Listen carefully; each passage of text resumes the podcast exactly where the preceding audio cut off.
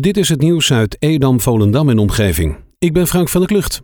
Deze week start het Hoogheemraadschap met het maaien van wegbermen. Bij deze veiligheidshonden wordt er tot anderhalve meter vanaf de weg gemaaid en rondom verkeersobjecten. Van sommige brede bermen maait het Hoogheemraadschap alleen het gedeelte dat nodig is voor de verkeersveiligheid. De overige oppervlakte blijven ongemoeid tot na het broed- en groeiseizoen.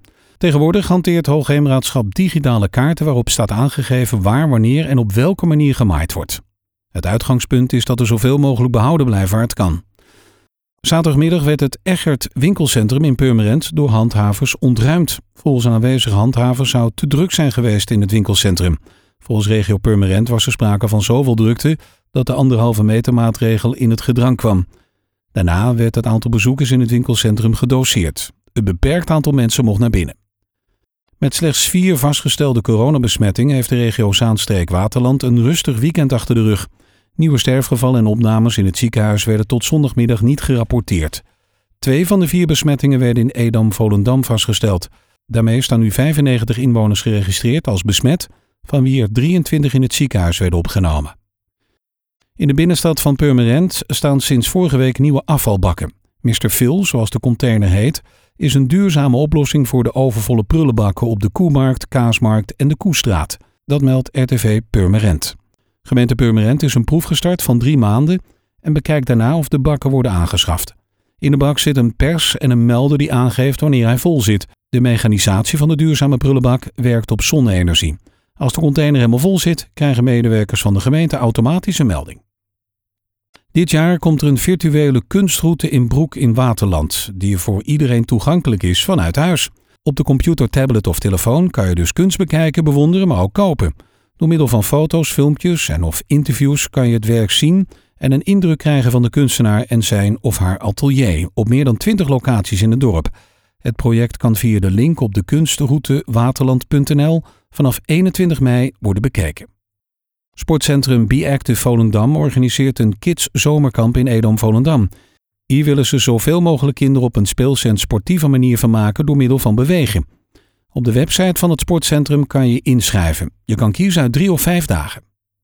In een voormalig buurthuis aan de JP Grootstraat in Purmerend heeft vrijdagnacht een grote brand gewoed. De melding kwam rond kwart over twee binnen bij de brandweer en toen werd er ook uitgerukt met groot materieel omdat er veel rook vrijkwam, werd er ook een NL-alert uitgestuurd met de mededeling om ramen en deuren gesloten te houden. Rond 8 uur volgde een bericht dat de brand was geblust. Bij de brand raakte niemand gewond. Wel is er asbestverdacht materiaal vrijgekomen, wat neergedaald was rondom het voormalige buurthuis. Dit gebied werd afgezet met hekken en een gespecialiseerd bedrijf heeft onderzoek verricht. Gedeputeerde Zita Pels doet samen met wethouders van alle Noord-Hollandse gemeenten, waaronder ook wethouder Mandy Elfrich, een klemmend beroep op minister van Engelshoven om gezamenlijk de Noord-Hollandse musea, theaters en podia te redden. In de brief aan de minister vragen alle 47 gemeenten en de provincie om cultuur op lokaal en regionaal niveau nadrukkelijk een plek te geven in toekomstige steunmaatregelen.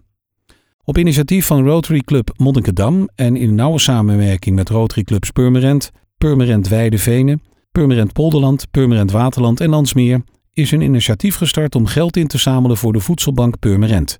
De voedselbank staat in deze en komende tijd extra onder druk. Leveranciers van producten zijn deels gesloten of minder actief en de verwachting is dat de vraag door de coronacrisis ook gaat stijgen. Na contact met de voedselbank Purmerend bleek met name de aanvoer van beperkt houdbare versproducten, waaronder zuivel, een uitdaging te zijn.